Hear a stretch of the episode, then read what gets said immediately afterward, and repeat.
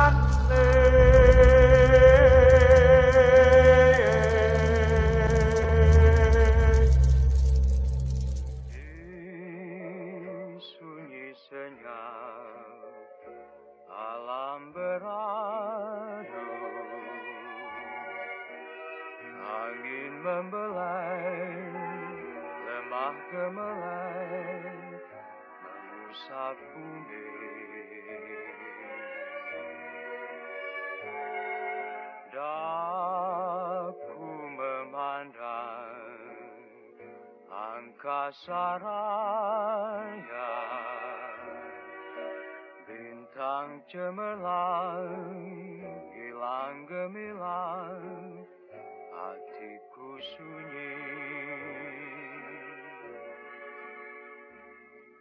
Hatiku yang hasrat mengenangkan.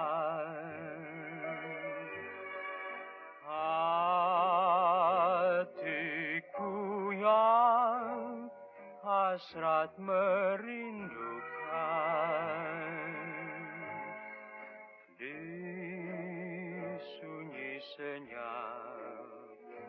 daku memandang bintang cemerlang hilang gemilang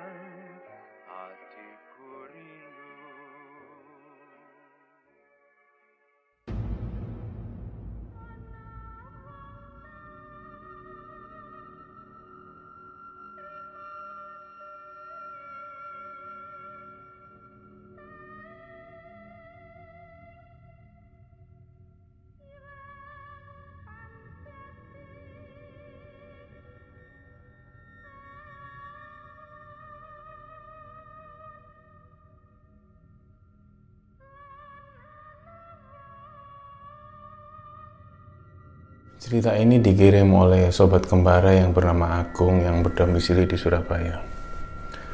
Uh, ini adalah take kami keempat ketika sebelum-sebelumnya kami gagal untuk menceritakan cerita ini di tengah-tengah mengalami kamera yang tiba-tiba blur terus di take yang selanjutnya tiba-tiba ada barang yang jatuh jadi kami sempat jeda beberapa kali untuk istirahat dan coba memikirkan kembali uh, karena memang cerita ini berhubungan dengan orang yang sudah meninggal dan akhirnya kami memutuskan untuk mengirim Al-Fatihah sebelumnya sebelum kami memulai take yang selanjutnya.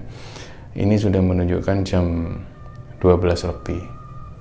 Jadi kami coba untuk berkonsentrasi lagi. Mudah-mudahan di tengah-tengah proses syuting ini tidak ada kendala lagi seperti kamera yang tiba-tiba blur atau uh, barang yang tiba-tiba jatuh atau mungkin ada angin yang masuk seperti yang kami alami sebelum-sebelumnya. Kisah ini dikirim oleh Agung yang beberapa hari kemarin kami sudah coba menghubungi Agung tentang kebenaran kisah ini dan memang kisah ini memang benar adanya di tahun 2019 itu ketika pada musim kampanye pada waktu itu musim kampanye pemilihan presiden dan wakil presiden juga pemilihan anggota DPR dan lain-lain Agung ini bersama teman-temannya punya satu lembaga konsultan politik.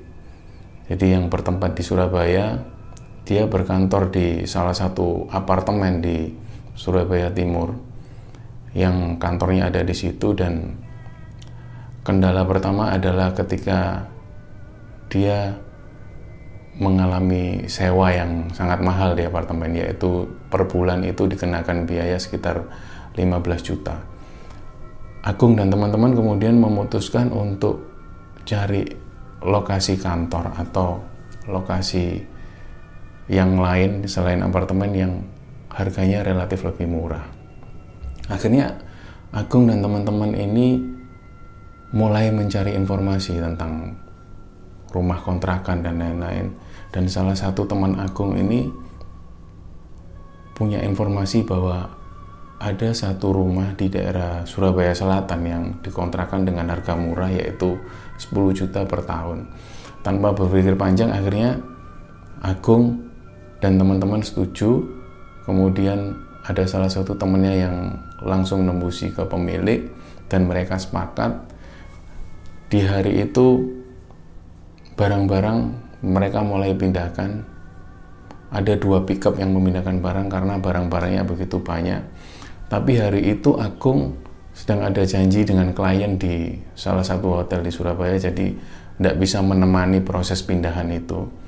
Tapi siangnya Agung hubungin temennya yang bernama Doni yang kebetulan sudah ada di lokasi rumah itu kemudian Doni mengirimkan lokasi melalui WA terus Agung ke sana. Kesan pertama ketika nyampe di rumah itu dia ngelihat rumah itu besar dan mewah itu. Cuman ada ada pemandangan yang sedikit aneh. Dilihat rumah itu terlihat kusam dari luar.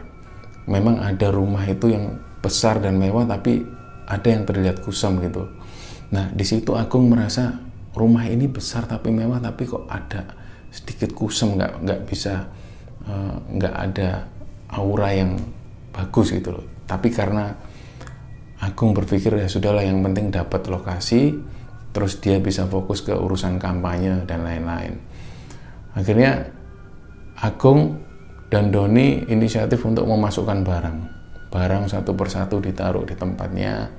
Di situ ada ruang tamu dan kemudian ada masuk ruang tengah yang cukup besar dan ada satu kamar yang ukurannya besar di situ Agung memutuskan untuk don kita pilih tempat ini untuk kantor utama. Jadi printer, terus berkas-berkas dan lain-lain kita tempatkan di sini. Jadi ini ruang utama kita. Jadi pekerjaan-pekerjaan kita fokuskan di sini. Akhirnya mereka sepakat masuk di ruang kamar yang besar itu. Saat Agung ada di luar, kemudian Doni ini manggil Agung. Gung, Gung coba sini lihat sebentar. Nah Agung buru-buru masuk, terus Doni itu nunjukkan ada uh, bekas bercak darah yang ada di lantai itu yang sudah ngering, mengering gitu. Jadi begitu Agung lihat tuh, ya memang di lantai itu ada bekas bercak darah, tapi sudah mengering kondisinya. Tapi Agung tetap berpikir positif, mungkin darah nyamuk atau darah binatang yang memang luput dibersihkan atau apa gitu. Akhirnya aku ngambil thinner karena tidak susah dibersihkan dengan air. Aku ngambil thinner terus dibersihkan dengan kain setelah bersih kemudian mereka beres-beres barang-barang yang lainnya sampai sekitar jam setengah lima sore waktu itu Agung ngomong ke Doni Don apa sudah dicek lampu-lampunya nyala semua apa enggak nah dari situ karena kondisi sudah mulai sore dan sudah mulai gelap dicek satu-satu lampunya. Karena di kamar yang ukuran besar itu tidak ada jendela dan tidak ada ventilasi sama sekali jadi ruangan itu terkesan gelap. Saat dinyalakan itu memang ada lampu neon tapi nggak berfungsi gitu. Pas saklar dinyalakan oh nggak berfungsi. Akhirnya dia coba cek lampu yang lain jangan-jangan lampu yang lain ini juga nggak berfungsi gitu begitu dicek ruang tengah itu juga nggak berfungsi padahal ada lampu di situ di toilet pun juga seperti itu. Hanya satu lampu yang ada di ruang tamu itu yang masih bisa berfungsi dengan baik. Ruang di e, lampu di teras pun juga nggak bisa. Jadi satu-satunya penerangan hanya dari ruang tamu. Nah, daripada sampai malam nggak ada lampu, karena mereka berdua si Agung dan Doni ini memang niatnya mau nginep di situ malam itu. Karena pagi harinya si Agung ada janjian sama kliennya untuk ngantar ke bandara. Jadi kliennya minta diantar ke bandara subuh, subuh-subuh jam 4 pagi itu. Karena Agung ini nggak bisa bangun pagi, dia berinisiatif untuk tidur di situ, minta tolong Doni untuk bangunkan gitu. sekitar jam setengah lima sore Doni beli lampu sambil beli makan gitu. Nah Agung tetap di rumah itu di ruang tamu sambil setel musik dari HP gitu. dinyalakan musik pelan-pelan sambil dia rebahan di kursi itu nggak lama setelah itu Agung itu dengar dari ruang kamar itu itu seperti suara bapak-bapak yang lagi batuk nah dia tiba-tiba tersentak kaget terus matiin musiknya coba didengerin dengan sesama gitu. Itu tadi suara apa? Apa benar suara orang batuk? Gitu. Begitu ditunggu nggak seberapa lama suara batuk itu tiba-tiba muncul lagi. Oh, oh suara bapak-bapak yang seperti bapak-bapak yang sudah tua yang batuk sakit gitu. Loh, dia dia ngerasa udah nggak enak. Akhirnya ada inisiatif untuk ini tak cek apa enggak? gitu. Tapi dia coba memberanikan diri ah wis nggak apa-apa lah tak cek lah. Belum belum malam juga gitu loh. Jadi dia coba begitu dia masuk ke ruang kamar yang ukuran besar itu begitu dibuka itu kayak ada angin yang keluar dari dalam wush, gitu berembus. Padahal nggak ada ventilasi nggak ada jendela di situ. Pas begitu aku ngerasakan ada angin yang cukup besar keluar itu tiba-tiba ya aku nutup pintunya terus lari ke ruang tamu sambil nunggu Doni gitu loh. Nah dinyalakan musik lagi dia nyoba tenang gitu kan Doni nggak juga datang sampai aplikasi HP-nya yang ada adzan itu bunyi, bunyi adzan berkumandang. Jadi hari itu sudah maghrib dan sudah mulai gelap banget. Nah, karena Agung tetap berpikir positif, akhirnya dia memutuskan untuk wudhu. Tapi ketika masuk ke ruang tengah, itu suasana sudah mulai gelap. Apalagi dilihat dari dari situ, itu di bagian toilet di belakang itu gelap banget. Akhirnya aku ngambil HP dinyalakan senter dari HP dia coba masuk ke toilet terus HP-nya diletakkan di atas kayak ada batasan dinding di situ diletakkan di situ sebagai penerangan. Nah pintu toilet sengaja nggak ditutup dibuka sedikit supaya nggak terlalu pengap gitu supaya terdengar kalau ada Doni datang gitu dia dengar itu begitu dibuka sedikit terus dia mulai wudhu aku mulai wudhu di tengah-tengah wudhu itu di belakang persis itu seperti ada suara kayak kursi roda yang lewat krek gitu. Nah dia kaget kan, tiba-tiba dia kaget. Terus tapi dia enggak, enggak berani melihat ke belakang. Dia selesaikan wudhunya, kemudian dia keluar. Terus pada saat Agung mau menuju ke ruang tamu untuk sholat, itu tiba-tiba dengar lagi suara seperti kursi roda yang lewat. Krek itu di situ Agung mulai agak takut. Nah karena Agung ini mau sholat, dia coba berpikir positif ya. Bismillah saya mau sholat, aku nggak ganggu di sini, tolong jangan ganggu aku dia. Aku. Tapi dia nggak tahu apa yang dia dengar. Tapi yang dia dengar itu seperti suara yang kayak besi yang yang karat itu bergesekan itu krek krek. Yang dia ingat itu ketika dia pernah dengar waktu itu di salah satu rumah sakit itu ada kursi roda yang sudah sangat tua itu yang lewat itu suaranya persis seperti itu. Itu mengingatkan Agung pada saat waktu dia dengar suara kursi roda di rumah sakit. Makanya dia bisa pastikan itu tadi suara kursi roda yang sedang jalan gitu pada saat selesai sholat nggak lama kemudian Doni datang sambil membawa lampu kan sambil membawa makan itu. Tapi Agung belum cerita ke Doni. Kemudian Doni sebelum makan itu ngajak Agung untuk masang lampu dulu. Ayo Gung kita masang lampu aja dulu supaya terang gitu. Nah begitu mau dipasang kendala pertama adalah posisi atap rumah itu memang tinggi sekali tinggi banget dan tidak ada alat untuk masang lampu itu karena tinggi banget akhirnya Agung bilang ya udah dong nanti besok aja lah nunggu kita pinjam tukang atau suruh teman-teman bawa tangga supaya kita bisa masang. Akhirnya lampu hari itu tidak dipasang. Mereka makan di ruang tamu, jadi penerangan satu-satunya hanya ada di ruang tamu waktu itu. Setelah makan, karena Agung masih sedikit uh, ngerasa takut dengan suara orang batuk dan suara kursi roda yang jalan itu, akhirnya Agung ngajak Doni untuk ngopi. Jadi mereka berdua ini punya langganan warung kopi yang nggak jauh dari situ yang kebetulan juga teman akrabnya waktu di kuliah dulu. Akhirnya uh, aku ngajak Doni Don kita ngopi dulu yuk. Nanti kita malam-malam baru balik sini. Oh ya akhirnya mereka ngopi. Ngopi sampai sekitar jam setengah sebelas malam begitu selesai ngopi mereka kembali ke rumah itu. Kemudian uh, Agung memutuskan untuk langsung tiduran. Jadi Agung tiduran di pojok situ di ruang tamu. Terus si Doni ada di sebelah Agung persis itu karena Agung waktu itu sudah ngantuk banget dan subuhnya harus segera jemput kliennya yang ada di hotel untuk ngantar ke bandara itu. Akhirnya Agung mulai menidurkan diri. Tapi dilihat samar-samar itu Doni masih mainan HP di situ. Nah akhirnya Agung coba untuk tidur.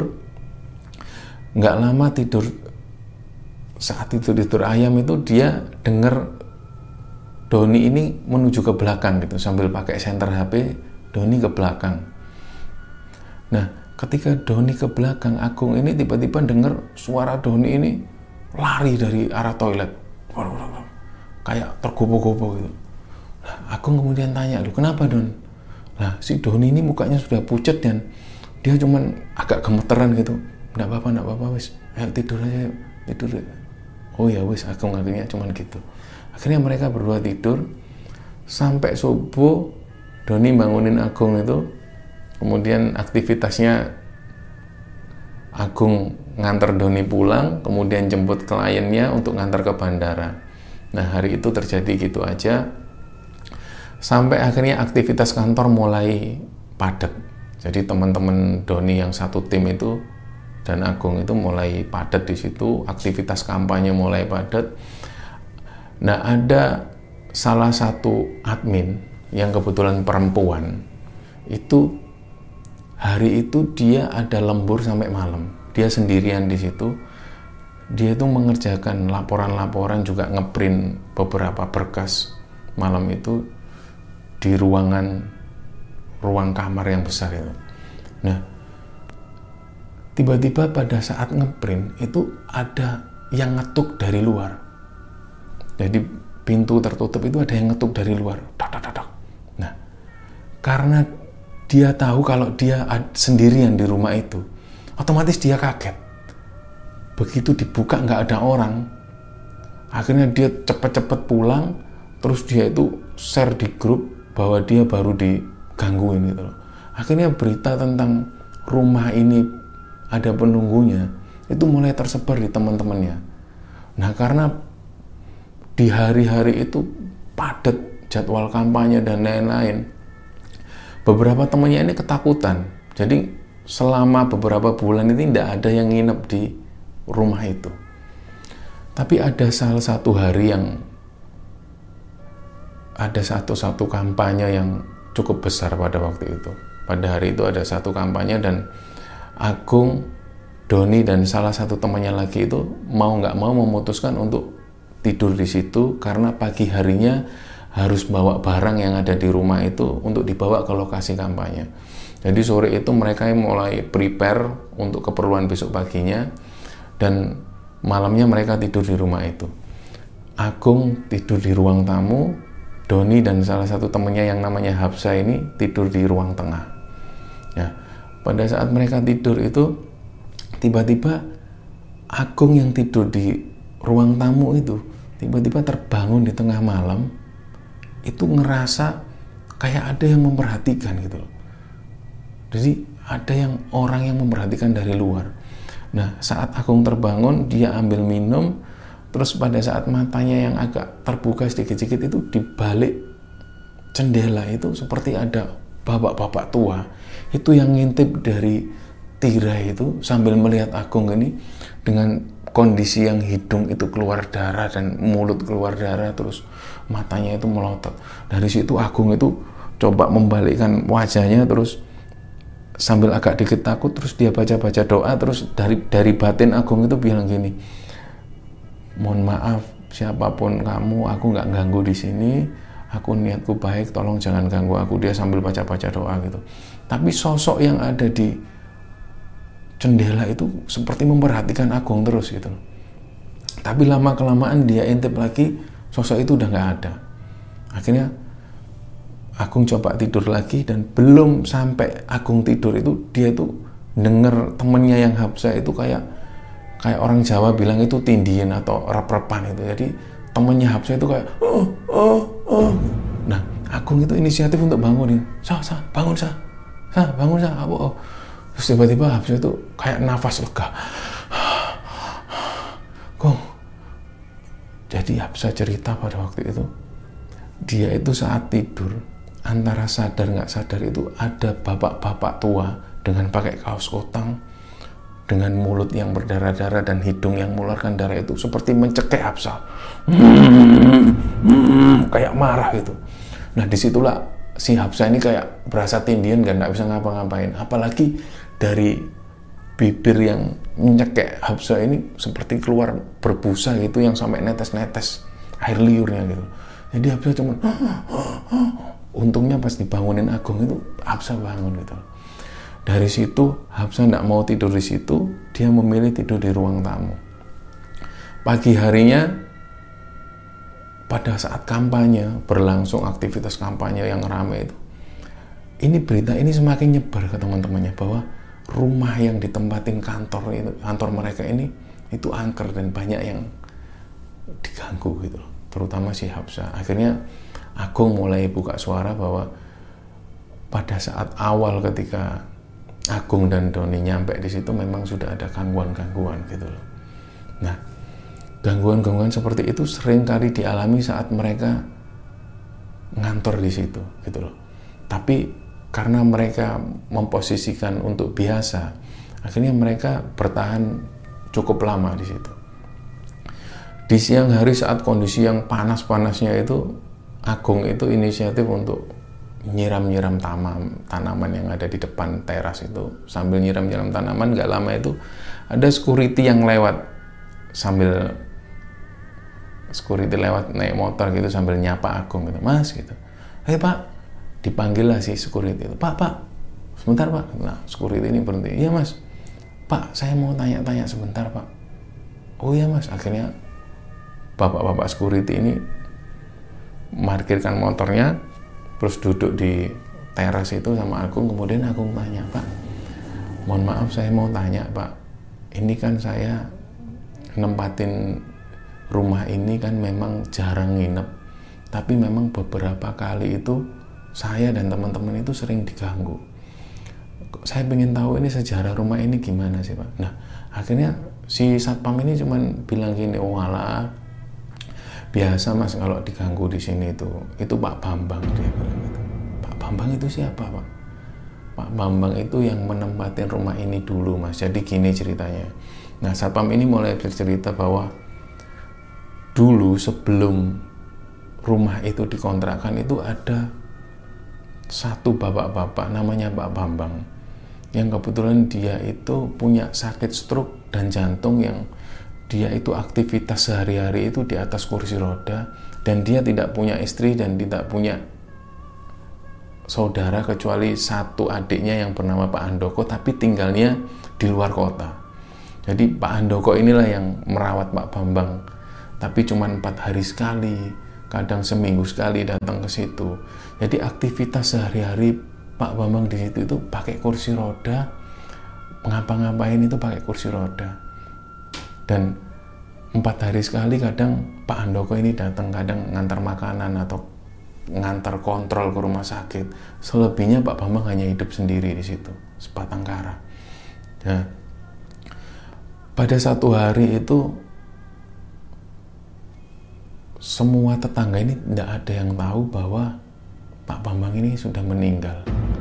Ada salah satu ibu-ibu yang kebetulan tetangganya ini yang ada tukang sayur yang lewat dan berhenti di, persis di depan rumah Pak Bambang. Dan ada ibu-ibu yang kumpul di situ. Ada salah satu ibu yang bertanya kok Pak Bambang nggak pernah keluar ya beberapa hari ini? Coba Bu diteleponkan Pak Andoko yang saudaranya Pak Bambang itu. Ketika diteleponkan Pak Andoko Pak Andoko sendiri posisinya lagi di luar pulau. Ada satu proyek gitu yang HP-nya pada waktu itu nggak bisa dihubungi. Nah karena tetangga itu ngerasa ada yang nggak enak gitu. Akhirnya tetangga ini coba menghubungi security dan Pak RT untuk masuk ke rumah Pak Bambang. Khawatir ada ada apa-apa yang terjadi dengan Pak Bambang. Ternyata yang dikhawatirkan warga ini betul.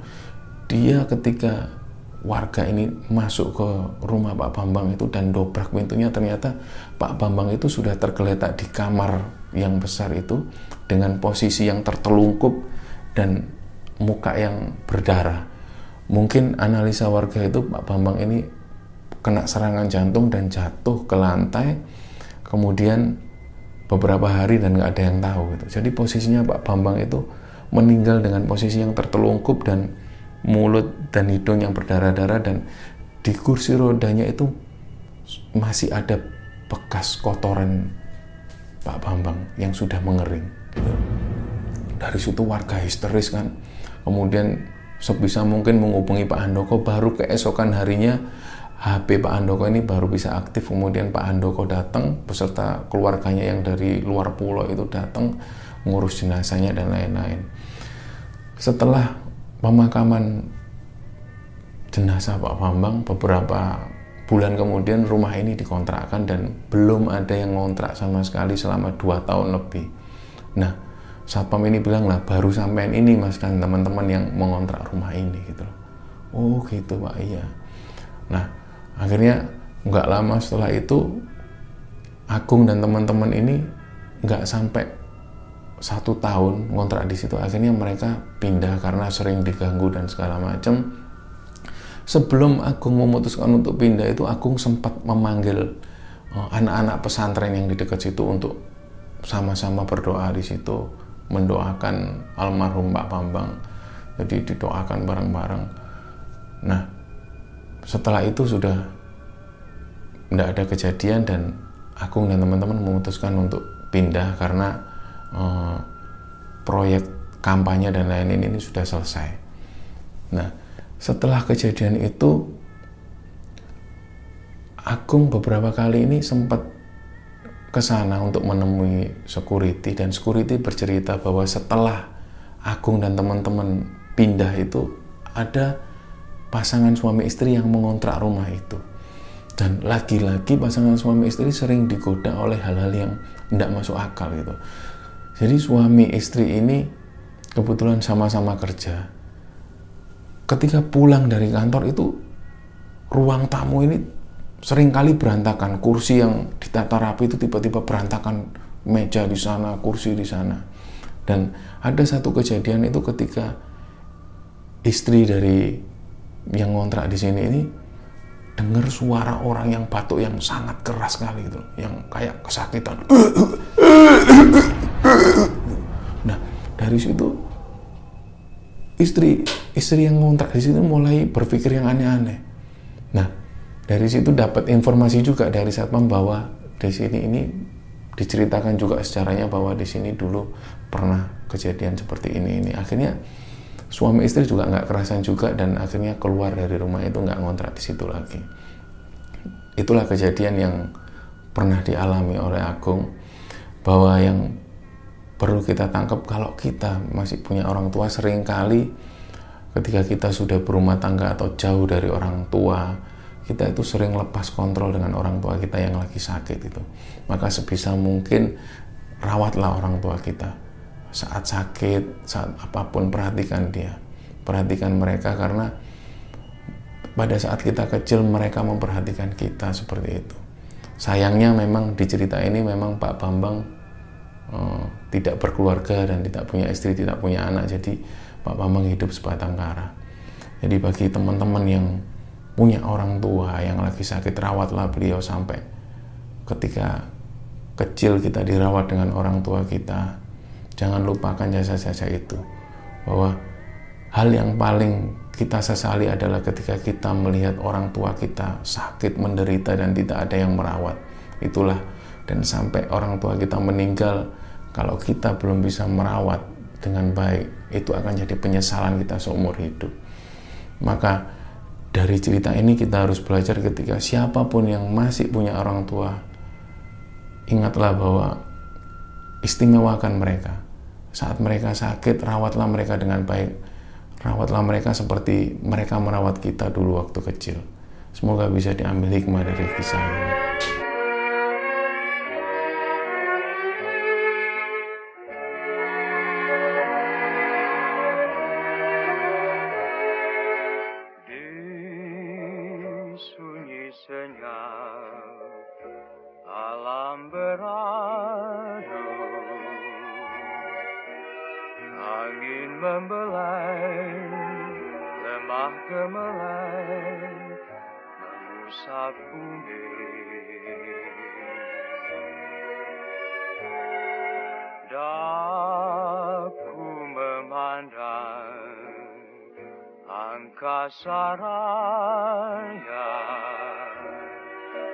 Bintang cemerlang hilang gemilang hatiku sunyi. Hatiku yang hasrat mengenangkan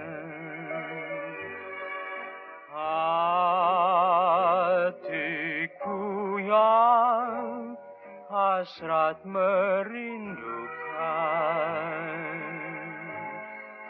Di sunyi senyap daku memandang.